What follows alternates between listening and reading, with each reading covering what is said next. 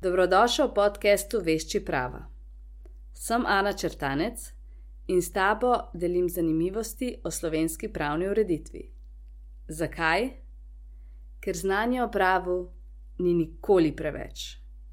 Če ti vsebina všeč, bom zelo vesela, da se prijaviš na podcast, postiš kakšen komentar in nasploh podcast priporočiš prijateljem, da se beseda o njem razširi in da dvignemo raven poznavanja prava v Sloveniji. V tokratni epizodi sem se odločila, da ti predstavim družinsko pravo. V ta namen sem povabila posebno gostjo in sicer odvetniško kandidatko Tajo Gorjan Skubin. Taja dela v odvetniški pisarni Zupančič in se veliko ukvarja z družinskim pravom in tajo sem v pogovoru poprašala, kaj sploh je družina, kakšne so pravice otrok, kaj potrebujemo za sklenitev zakonske zveze? In kaj, če ne gre vse po planih, kaj, če pride do razveze, kakšni so postopki potem.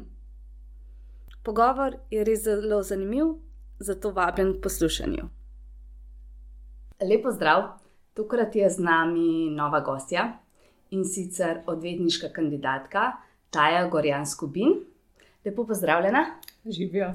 Torej, delaš kot odvetniška kandidatka v odvetniški pisarni Zupančič, pa morda da se najprej predstaviš, kakšna je bila tvoja pot? Šolala sem se na pravni fakulteti v Ljubljani, tam sem zaključila magistrski študijski program. Sem si vedno želela delati v odvetništvu, tako da sem pot tam tudi nadaljevala in delala odvetniško pripravništvo v odvetniški družbi Zupančič, kjer sem še vedno, tako da je že nekaj časa. Uh, usporedno sem opravljala tudi sodniško pripravništvo pri Višjem sodišču v Ljubljani, tako da sem se s pravom dobro spoznala tudi skozi oči sodnika. Uh, po pravosodnem izpitu pa zdaj nadaljujem spet v odvetništvu, sem se pa v mestnem času usposobila tudi za medijatorja. Pa imaš kakšno mogoče pravno panogo, ki ti posebej nekako še leži, ali pač v bistvu se v vaši pisarni specializirate za vse? Uh, v bistvu v naši pisarni se ukvarjamo kar z vsemi pravnimi področji. In glede na to, da sem še dokaj na začetku svoje kariere, se zaenkrat še nisem usmerila prav v specifično panogo, tako da zaenkrat se trudim uh, spoznati z različnimi področji, pa bomo pa videli za naprej. Okay, danes bomo imeli pogovor, predvsem, ki se bo osredotočil na družinsko pravo. Kaj sploh je družinsko pravo? Zdaj, v grobem, če razdelimo, je družinsko pravo spada uh, v civilno pravo. Ukvarja se pa predvsem z različnimi življenjskimi skupnostmi, uh, ureja razna pravila in pravna načela, ki veljajo v razmerih med otroci in starši, uh, uh, ureja različne situacije, ko so potrebne razne nadomestne oblike varstva otrok, uh, pa tudi pač potem razne ukrepe države za varstvo koristi otrok. Mm, pa, kje pa pravno urejeno, kje so ti um, družinsko pravo? Zdaj, če se omejiva na uh, slovenski pravni red, Uh, je najprej družinsko pravo, seveda, zajeto v Ustavi Republike Slovenije, tam je kar nekaj določb med uh, temeljnimi človekovimi pravicami in svoboščinami, ki se nanašajo na družino in otroke.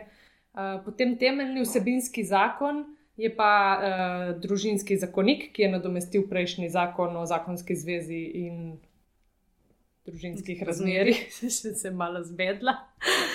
Pomemben je tudi zakon o partnerski zvezi, ki ureja v bistvu zveze istospolnih partnerjev, kot uh, v bistvu procesni zakon, ki ureja po kakšnem postopku se vodijo družinski postopki, je najpomembnejši zakon o nepravdnem postopku.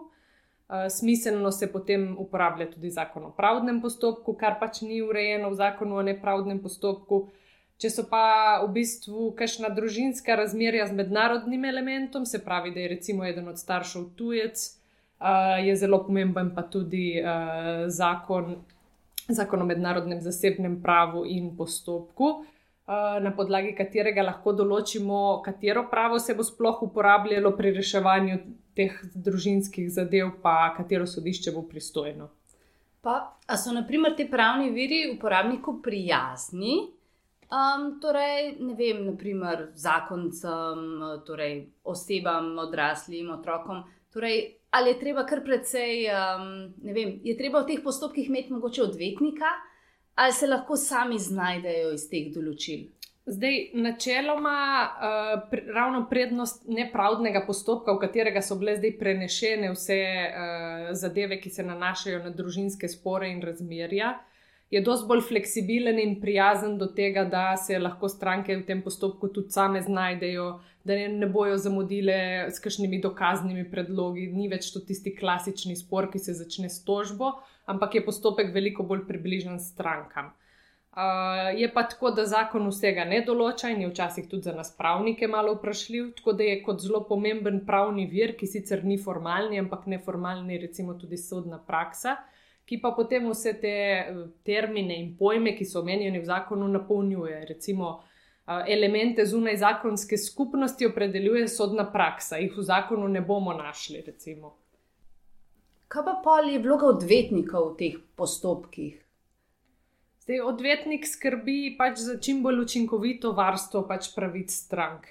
Um, stranka seveda lahko sama tudi zavaruje svoje pravice in uspe z določenimi stvarmi, ampak uh, odvetniki vseeno poznamo postopke veliko bolj podrobno, poznamo tudi določene postopke, ki se vodijo izven sodišč, tako da je pač tisto varstvo potem uh, ponavadi kar bolj učinkovito preko odvetnika. No.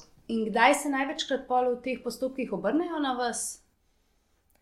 Ma v bistvu kar pogosto. Zdaj, če povemo prav po pravici, je vseeno in toliko odvisno tudi od uh, premoženskega stanja stranke. Uh, je pa tako, da pač lahko zaprosijo tudi za brezplačno pravno pomoč. Tako da, če gre za kakšna uh, razmerja, ki so bistvenega pomena, da se uredijo, ki močno vplivajo na življenje tistih udeležencev, bi jaz kar svetovala, da se odvrnejo ali na odvetnika ali zaprosijo za brezplačno pravno pomoč in jih bo tako zastopal eden od odvetnikov iz tistega seznama. No. Žal smo prišli pač do take točke družbenih razmeri, da je ratalo to vse že toliko kompleksno, da v bistvu. Vsak človek se vsaj enkrat v življenju mora obrniti nekako na odvetnika no, za razrešitev takšnih ali drugačnih sporov ali pa uveljavljanja svojih pravic. No. Ja, žal je. žal je res tako stanje. Pa če gremo mogoče na začetek, kaj sploh je družina? Zdaj, družina po novem družinskem zakoniku je definirana kot skupnost otroka z enim staršem ali pa z obema ali pa z drugo odraslo osebo, ki uh, skrbi za tega otroka. Zdaj, po tej novi definiciji, ki je bistveno drugačna od tiste, ki smo jo včasih poznali, je zelo bistveno to, da se družina v bistvu formira okrog otroka. Družina je tam, kjer je otrok in je celoten fokus uh, na otroku. In uh, tudi kot temeljno načelo, ki prežema družinsko pravo, je načelo varstva otrokovih koristi, kar pomeni, da v prvi vrsti morajo za otrokove koristi skrbeti starši. Eh, če pa starši odpovejo ali pa niso zmožni, eh, so potem v bistvu vsi, ki se pri svojem delu srečajo z otroci in vidijo, da so njihove koristi ogrožene, dolžni ukrepati. Ok, no in pol, naprimer, doskrat se med ljudmi ustvari tudi vprašanje, kaj zdaj, omenila si že pojem zunaj zakonska skupnost, a imajo, kdo, kdo je sploh oseba, ki je v zunaj zakonski skupnosti? Zdaj, v družinskem pravu poznamo več različnih življenjskih skupnosti. Kot skupnosti eh, partnerjev različnih spolov sta zakonska zveza, pa zunaj zakonska skupnost. Zunaj zakonska skupnost je tista skupnost, eh, ki traja veliko časa med dvema partnerjema različnega spola, ki pač se nista odločila skleniti zakonske zveze. Eh, sta pa v vseh pravicah in obveznostih izenačena z zakoncema, ki sta sklenila zakonsko zvezo, tako da tukaj v bistvu ni nobenih razlik. Enako velja potem tudi za partnerja v sklenjeni partnerski zvezi ali nesklenjeni partnerski zvezi, ki je smiselno enako v bistvu zunaj zakonske skupnosti. Uh, tudi na tem področju so izenačene, so v bistvu enake pravice in enake posledice, kot če bi bila sklenjena zakonska zveza. Mogoče edino, če omenim uh, to izjemo, da pač partnerja v partnerski zvezi, sklenjeni ali nesklenjeni, uh, ne moreta skupaj posvojiti otroka in nista upravičena do postopkov oploditve z biomedicinsko pomočjo. Še vedno tako je. Ja? Zaenkrat je še žal, še vedno um, tako je. Aj, kar je trajanje določen za zunaj zakonsko skupnost? Kdaj ta nastane? Omenila si že sodno prakso. Uh, v zakonu res ni nič glede tega, kaj pa v praksi, kaj, kako, po kolikih letih to nastane? Zdaj, v bistvu za zunaj zakonsko skupnost mora biti izpolnjenih uh, kar en kup nekih zunanjih in notranjih kriterijev, bi rekli.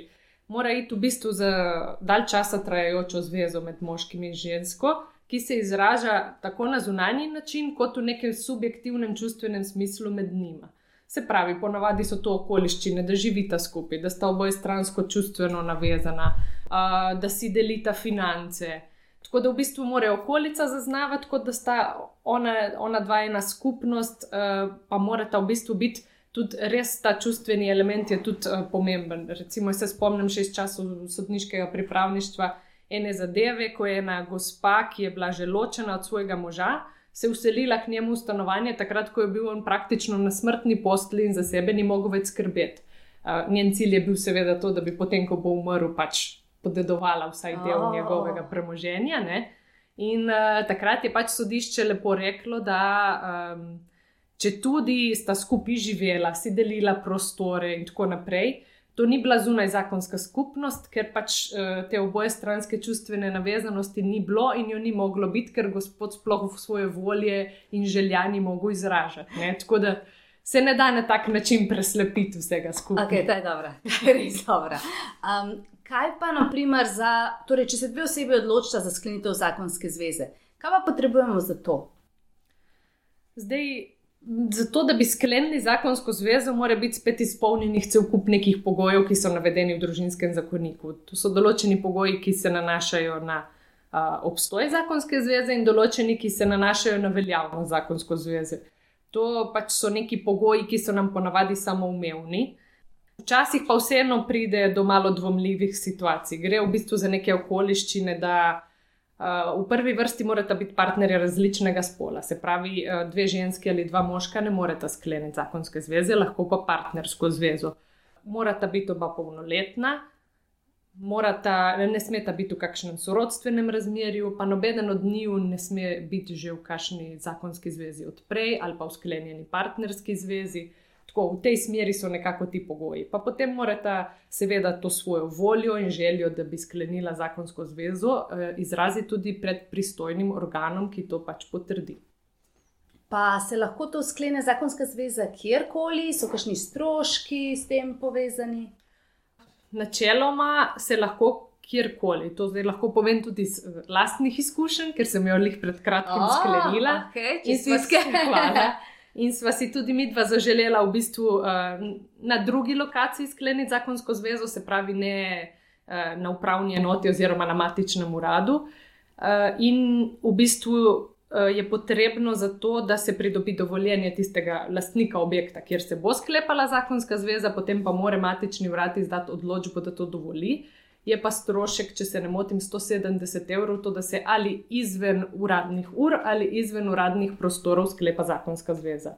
Tako da tistim, ki bi jo želeli skleniti, polagam na srce, da čim prej rezervirajo matičarja, ker to je zelo velik problem pri nas. A res je težko. Tako da ja, ponavadi že zberemo datum, začnemo zbirati obleko in tako naprej, pa pa matičarja ni za tisti datum. Tako da A. to je zdaj kar sploh uh, med korono se kar nabralo. To pa verjamem, ja.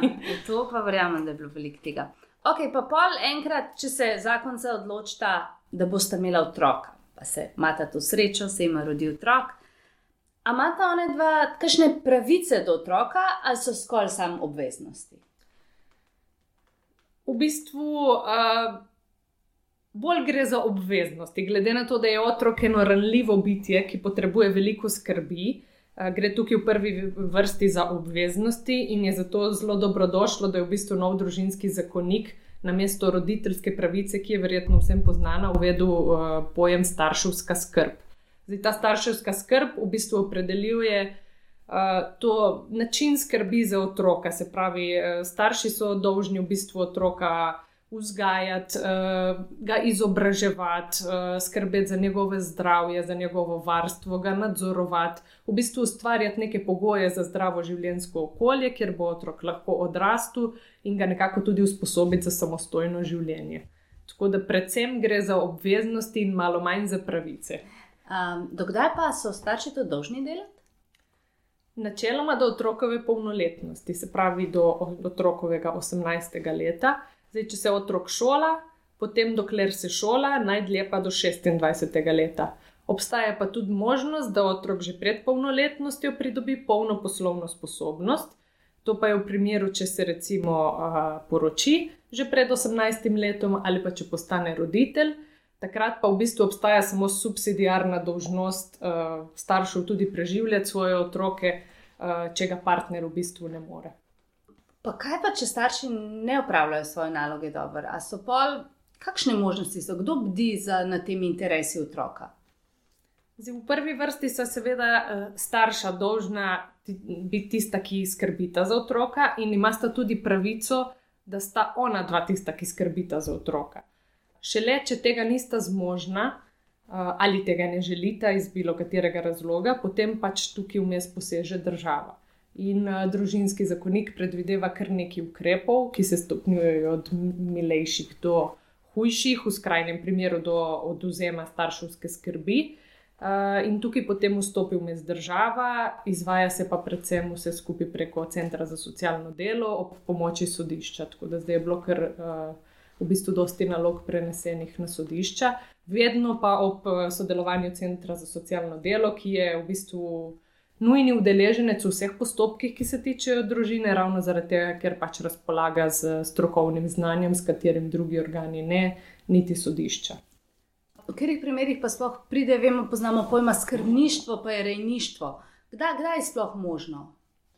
Zdaj, pri skrbništvu in pri rejništvu v bistvu gre za neke oblike nadomestnega varstva otroka.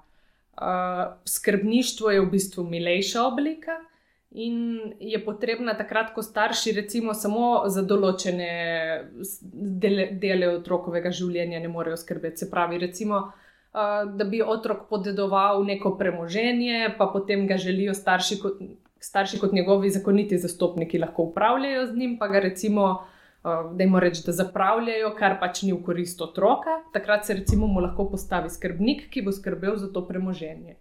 Zdaj, pri rejništvu je že malo bolj uh, drastična oblika nadomestnega varstva, bi rekla, uh, in je potrebna takrat, ko je v bistvu ta starševska skrb že močno omejena, zaradi tega, ker otrok ali sploh nima svoje družine, ali pa v njej ne more živeti, ker mu pač ta ne omogoča nekega zdravega okolja, v katerem se lahko normalno razvija. Tako da takrat je pač treba otroka že izločiti iz tistega okolja in uh, ga dati pač urejo nekomu drugemu. Zdaj lahko je pač to tudi sorodnik, po novem, recimo. Mhm. In v takih postopkih, naprimer, tudi odvetniki lahko sodelujejo, imajo kakšno vlogo, verjetno. Seveda, odvetniki lahko sodelujejo v vseh postopkih. Odvetnik je v bistvu podaljšana roka stranke, tako da karkoli lahko stranka naredi, načeloma lahko odvetnik naredi za njo in ponavadi pač zna vseeno uh, malo boljše zavarovati te pravice in mogoče tudi hitreje urediti te položaje. Sploh recimo v družinskih zadevah, kjer je predvidenih cel kup nekih začasnih odredb s katerimi se lahko uh, začasno do izdaje končnih odločitev uredi stanje, se pravi tako provizorično.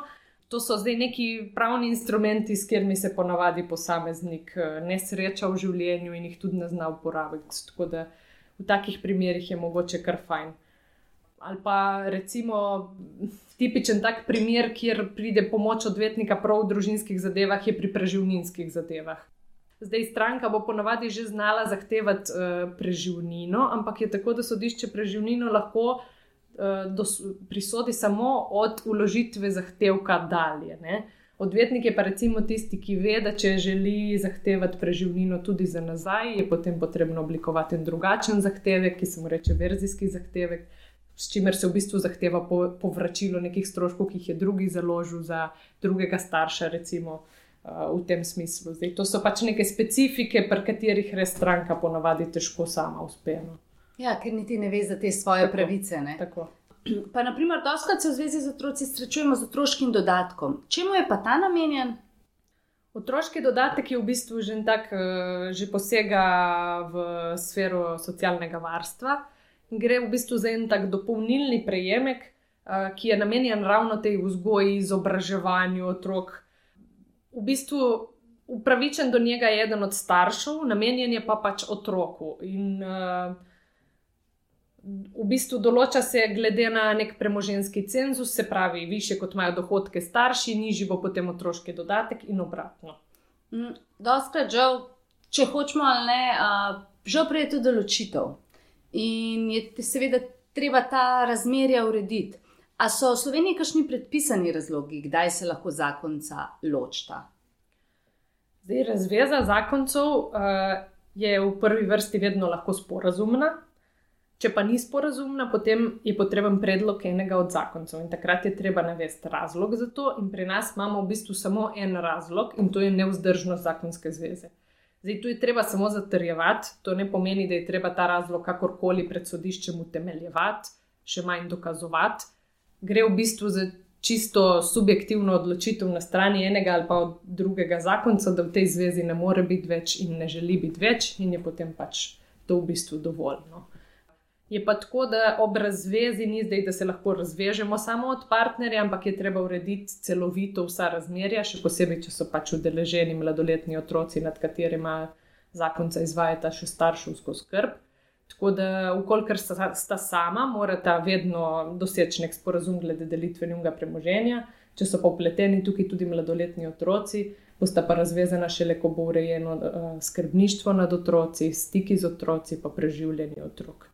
Tako da, če se ne morete pač sporazumeti, bo tudi sodišče vedno odločilo o tem po uradni dužnosti in šele potem ju razvezalo. Ok, pa naprimer, um, če greva najprej na delitev premoženja. Kako sploh poteka ta delitev premoženja? A mogoče kakšen primer, ste se že kdaj srečali v pisarni vaši s kaj podobnim?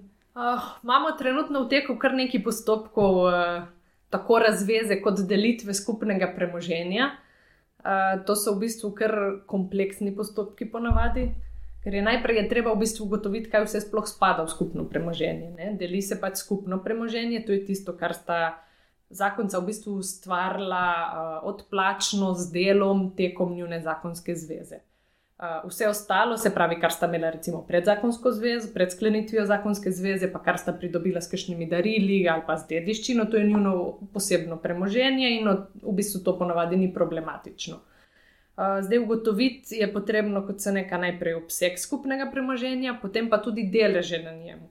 Zdaj, ukolikor nista zakonca sklenila kakšne uh, predporočne pogodbe oziroma ženitne, ženitne pogodbe, ki je zdaj po novem družinskem zakoniku izredno uh, dopuščena možnost, mislim, da se če se ne motim, se imenuje pogodba o ureditvi premožensko-pravnih razmeri, ki se potem upiše v registr teh pogodb tudi pri notarski zbornici, velja domneva, da. Da obstaja zakonit premoženski režim, kar pomeni, da imata zakonca na skupnem premoženju enake deleže lahko pa vedno potem v postopku uveljavljata tudi, da ti deleži niso enaki. Zdaj, um, načeloma, kot se neka velja domneva, da so deleži enaki in se bo potem razdelilo to uh, na podlagi tako določenih deležev, uh, lahko pa eden dokazuje, da je prispeval več. Kar pa pač tukaj je treba pa opozoriti, da to ne pomeni uh, nujno materialnega prispevka, se pravi, To ne pomeni, da če je eden od partnerjev imel veliko višjo plačo, da bo njegov delež na skupnem premoženju zaradi tega višji. Potem, ko se pač ugotovi, eh, kakšni so ti deleži, se gre pa na delitev. Najboljše je, seveda, če se sporazumeta sama, kako si boste razdelila tisto premoženje, drugače pa pač razdeli sodišče in to uh, tako, da najprej poskuša razdeliti fizično, se pravi, recimo, da gre stanovanje enemu, pa vikend drugemu, ali pa avto enemu, tako na tak način se upošteva, seveda, tudi pri tem uh, koristi otrok, pa pri komu, komu so zaupani v skupno varstvo in vzgojo, sploh glede bivanskega problema. Uh, če pa to ne gre, se pa pač preostanek premoženja proda in se potem razdeli kupnina, spet v skladu s tistimi deleži na skupnem premoženju. Pa verjamem, da si kdaj kar znajo nagajati med sabo. Zelo. Dosti krat se tudi v resnici ne želijo razvezati, pa so potem to načini, kako prihajati vsaj, uh, v stik z zakoncem, še kar nekaj let, no, kljub temu, da so se odločili za razvezo. Zanimivo je to, da dejansko tudi, če se več, v bistvu, če ima nekdo višjo plačo, ni nujno, da bo pol tudi višji prispevek. Ne? Verjetno se vrednoti, kot je ne vem, nekdo skrbel za otroka, za hišo, za gospodinstvo. Tako ja, vrednoti se. Uh, čas, ki ga je nekdo vlagal v vzgojo in varstvo, v skrb za skupno gospodinstvo. Vse tle je ogromno enih dejavnikov, ki so pa zelo odvisni od posamezne družine, od partnerjev.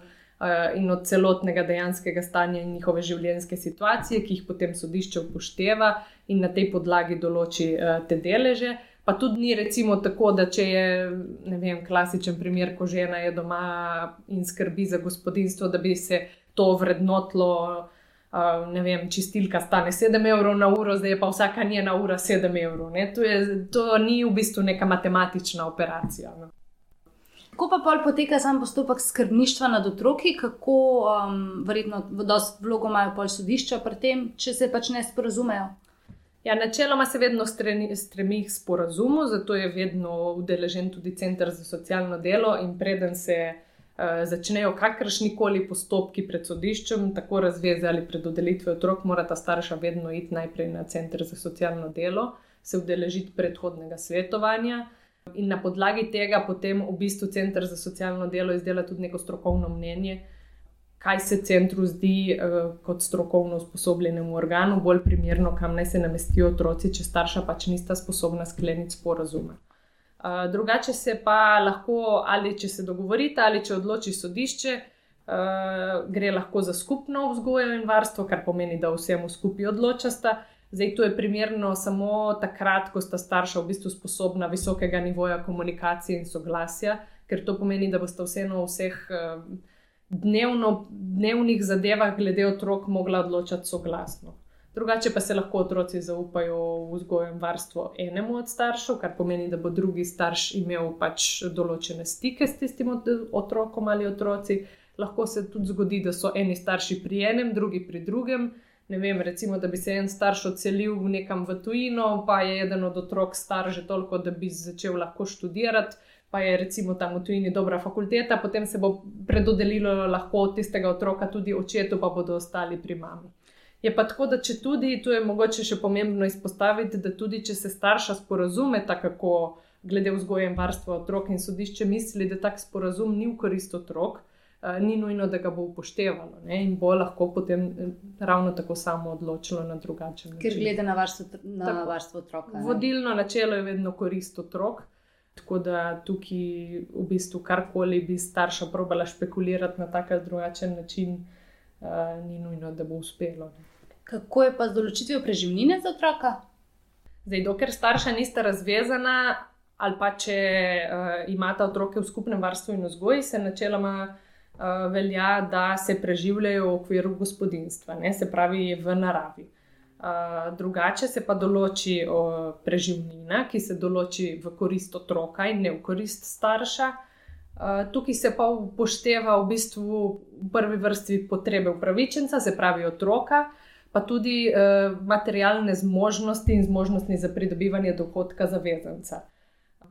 Zdaj, to je zelo odvisno in zelo varira ta znesek uh, preživnine, uh, more pa pokrivati v bistvu neke vsakdanje življenjske stroške, prostočasne aktivnosti, uh, izobraževanje otroka, oddih, dopust, letni, tako na tak način. Zelo veliko smo govorili o sodišču, kjer sodišče pa je pristojno za odločanje o teh zadevah. Zdaj, v nepravdnem postopku je sicer načeloma vedno pristojno okrajno sodišče, velja pa izključna pristojnost okrožnih sodišč ravno v vseh teh postopkih v družinskih sporih, o katerih smo danes govorili. Tako da stvarno pristojno je okrožno sodišče in nepravdni oddelek okrožnega sodišča. Potem je pa v bistvu treba ugotoviti, v katerem kraju se je treba obrniti na sodišče in je v teh postopkih tako, da načeloma je pristojno, krajovno pristojno tisto sodišče, uh, proti kateremu je sprožen postopek, kjer ima prebivališče tista oseba, proti kateri je sprožen postopek. Zdaj, če so udeleženi otroci, obstaja pa vedno možnost, uh, da je pristojno sodišče v kraju, kjer imajo otroci stalno ali začasno prebivališče, tako da se ta pristojnost pritegne njim in da niso potem oni še pod kakšnim dodatnim stresom tega, da bi se mogli udeleževati postopkov v kakšnih drugih krajih, na drugih koncih Slovenije. Kaj pa, naprimer, če je kakšen mednarodni element, če kaj starši, ne vem, vzamejo otroka v tujino ali kakorkoli, kako je pa potem s tem razreševanjem teh postopkov? Trenutno imamo v naši pisarni ravno v teku en tak postopek. To se v bistvu kar pogosto, mislim, se kar dosti krat zgodi, ko recimo eden od staršev. Um, otroka odpelje sabo v drugo državo In um, takrat je seveda treba to sprožiti najprej pri sodišču postopke za predodelitev otroka v vzgoju in varstvo tistemu staršu, kateremu je bil pač otrok odtujen. Uh, obstajajo pa tudi še posebni mehanizmi, za katere se je izkazalo, da doskrat uh, ne vejo ne stranke, včasih niti organi. Na podlagi Haške konvencije o, o, o vrnitvi protipravno odtujenih otrok obstajajo med vsemi državami podpisnicami, kar je praktično večina držav na tem svetu, centralni izvršilni organi v vsaki državi, ki v bistvu malo bolj neposredno poskrbijo, da se otrok čim prej vrne nazaj domov. Tako da pri nas je ta organ Ministrstvo za delo, družino, socialne zadeve in enake možnosti. Če, tako da, če pride do kakšne uh, take situacije, v kateri eden od staršev, recimo, odpelje otroka čez mejo, In uh, kdo ne ve, kam se obrniti, naj se najprej obrne na ministrstvo, ki bo v bistvu sprožilo potem vse ustrezne postopke. Ja, najlepša hvala za vse te informacije. Hvala za povabilo.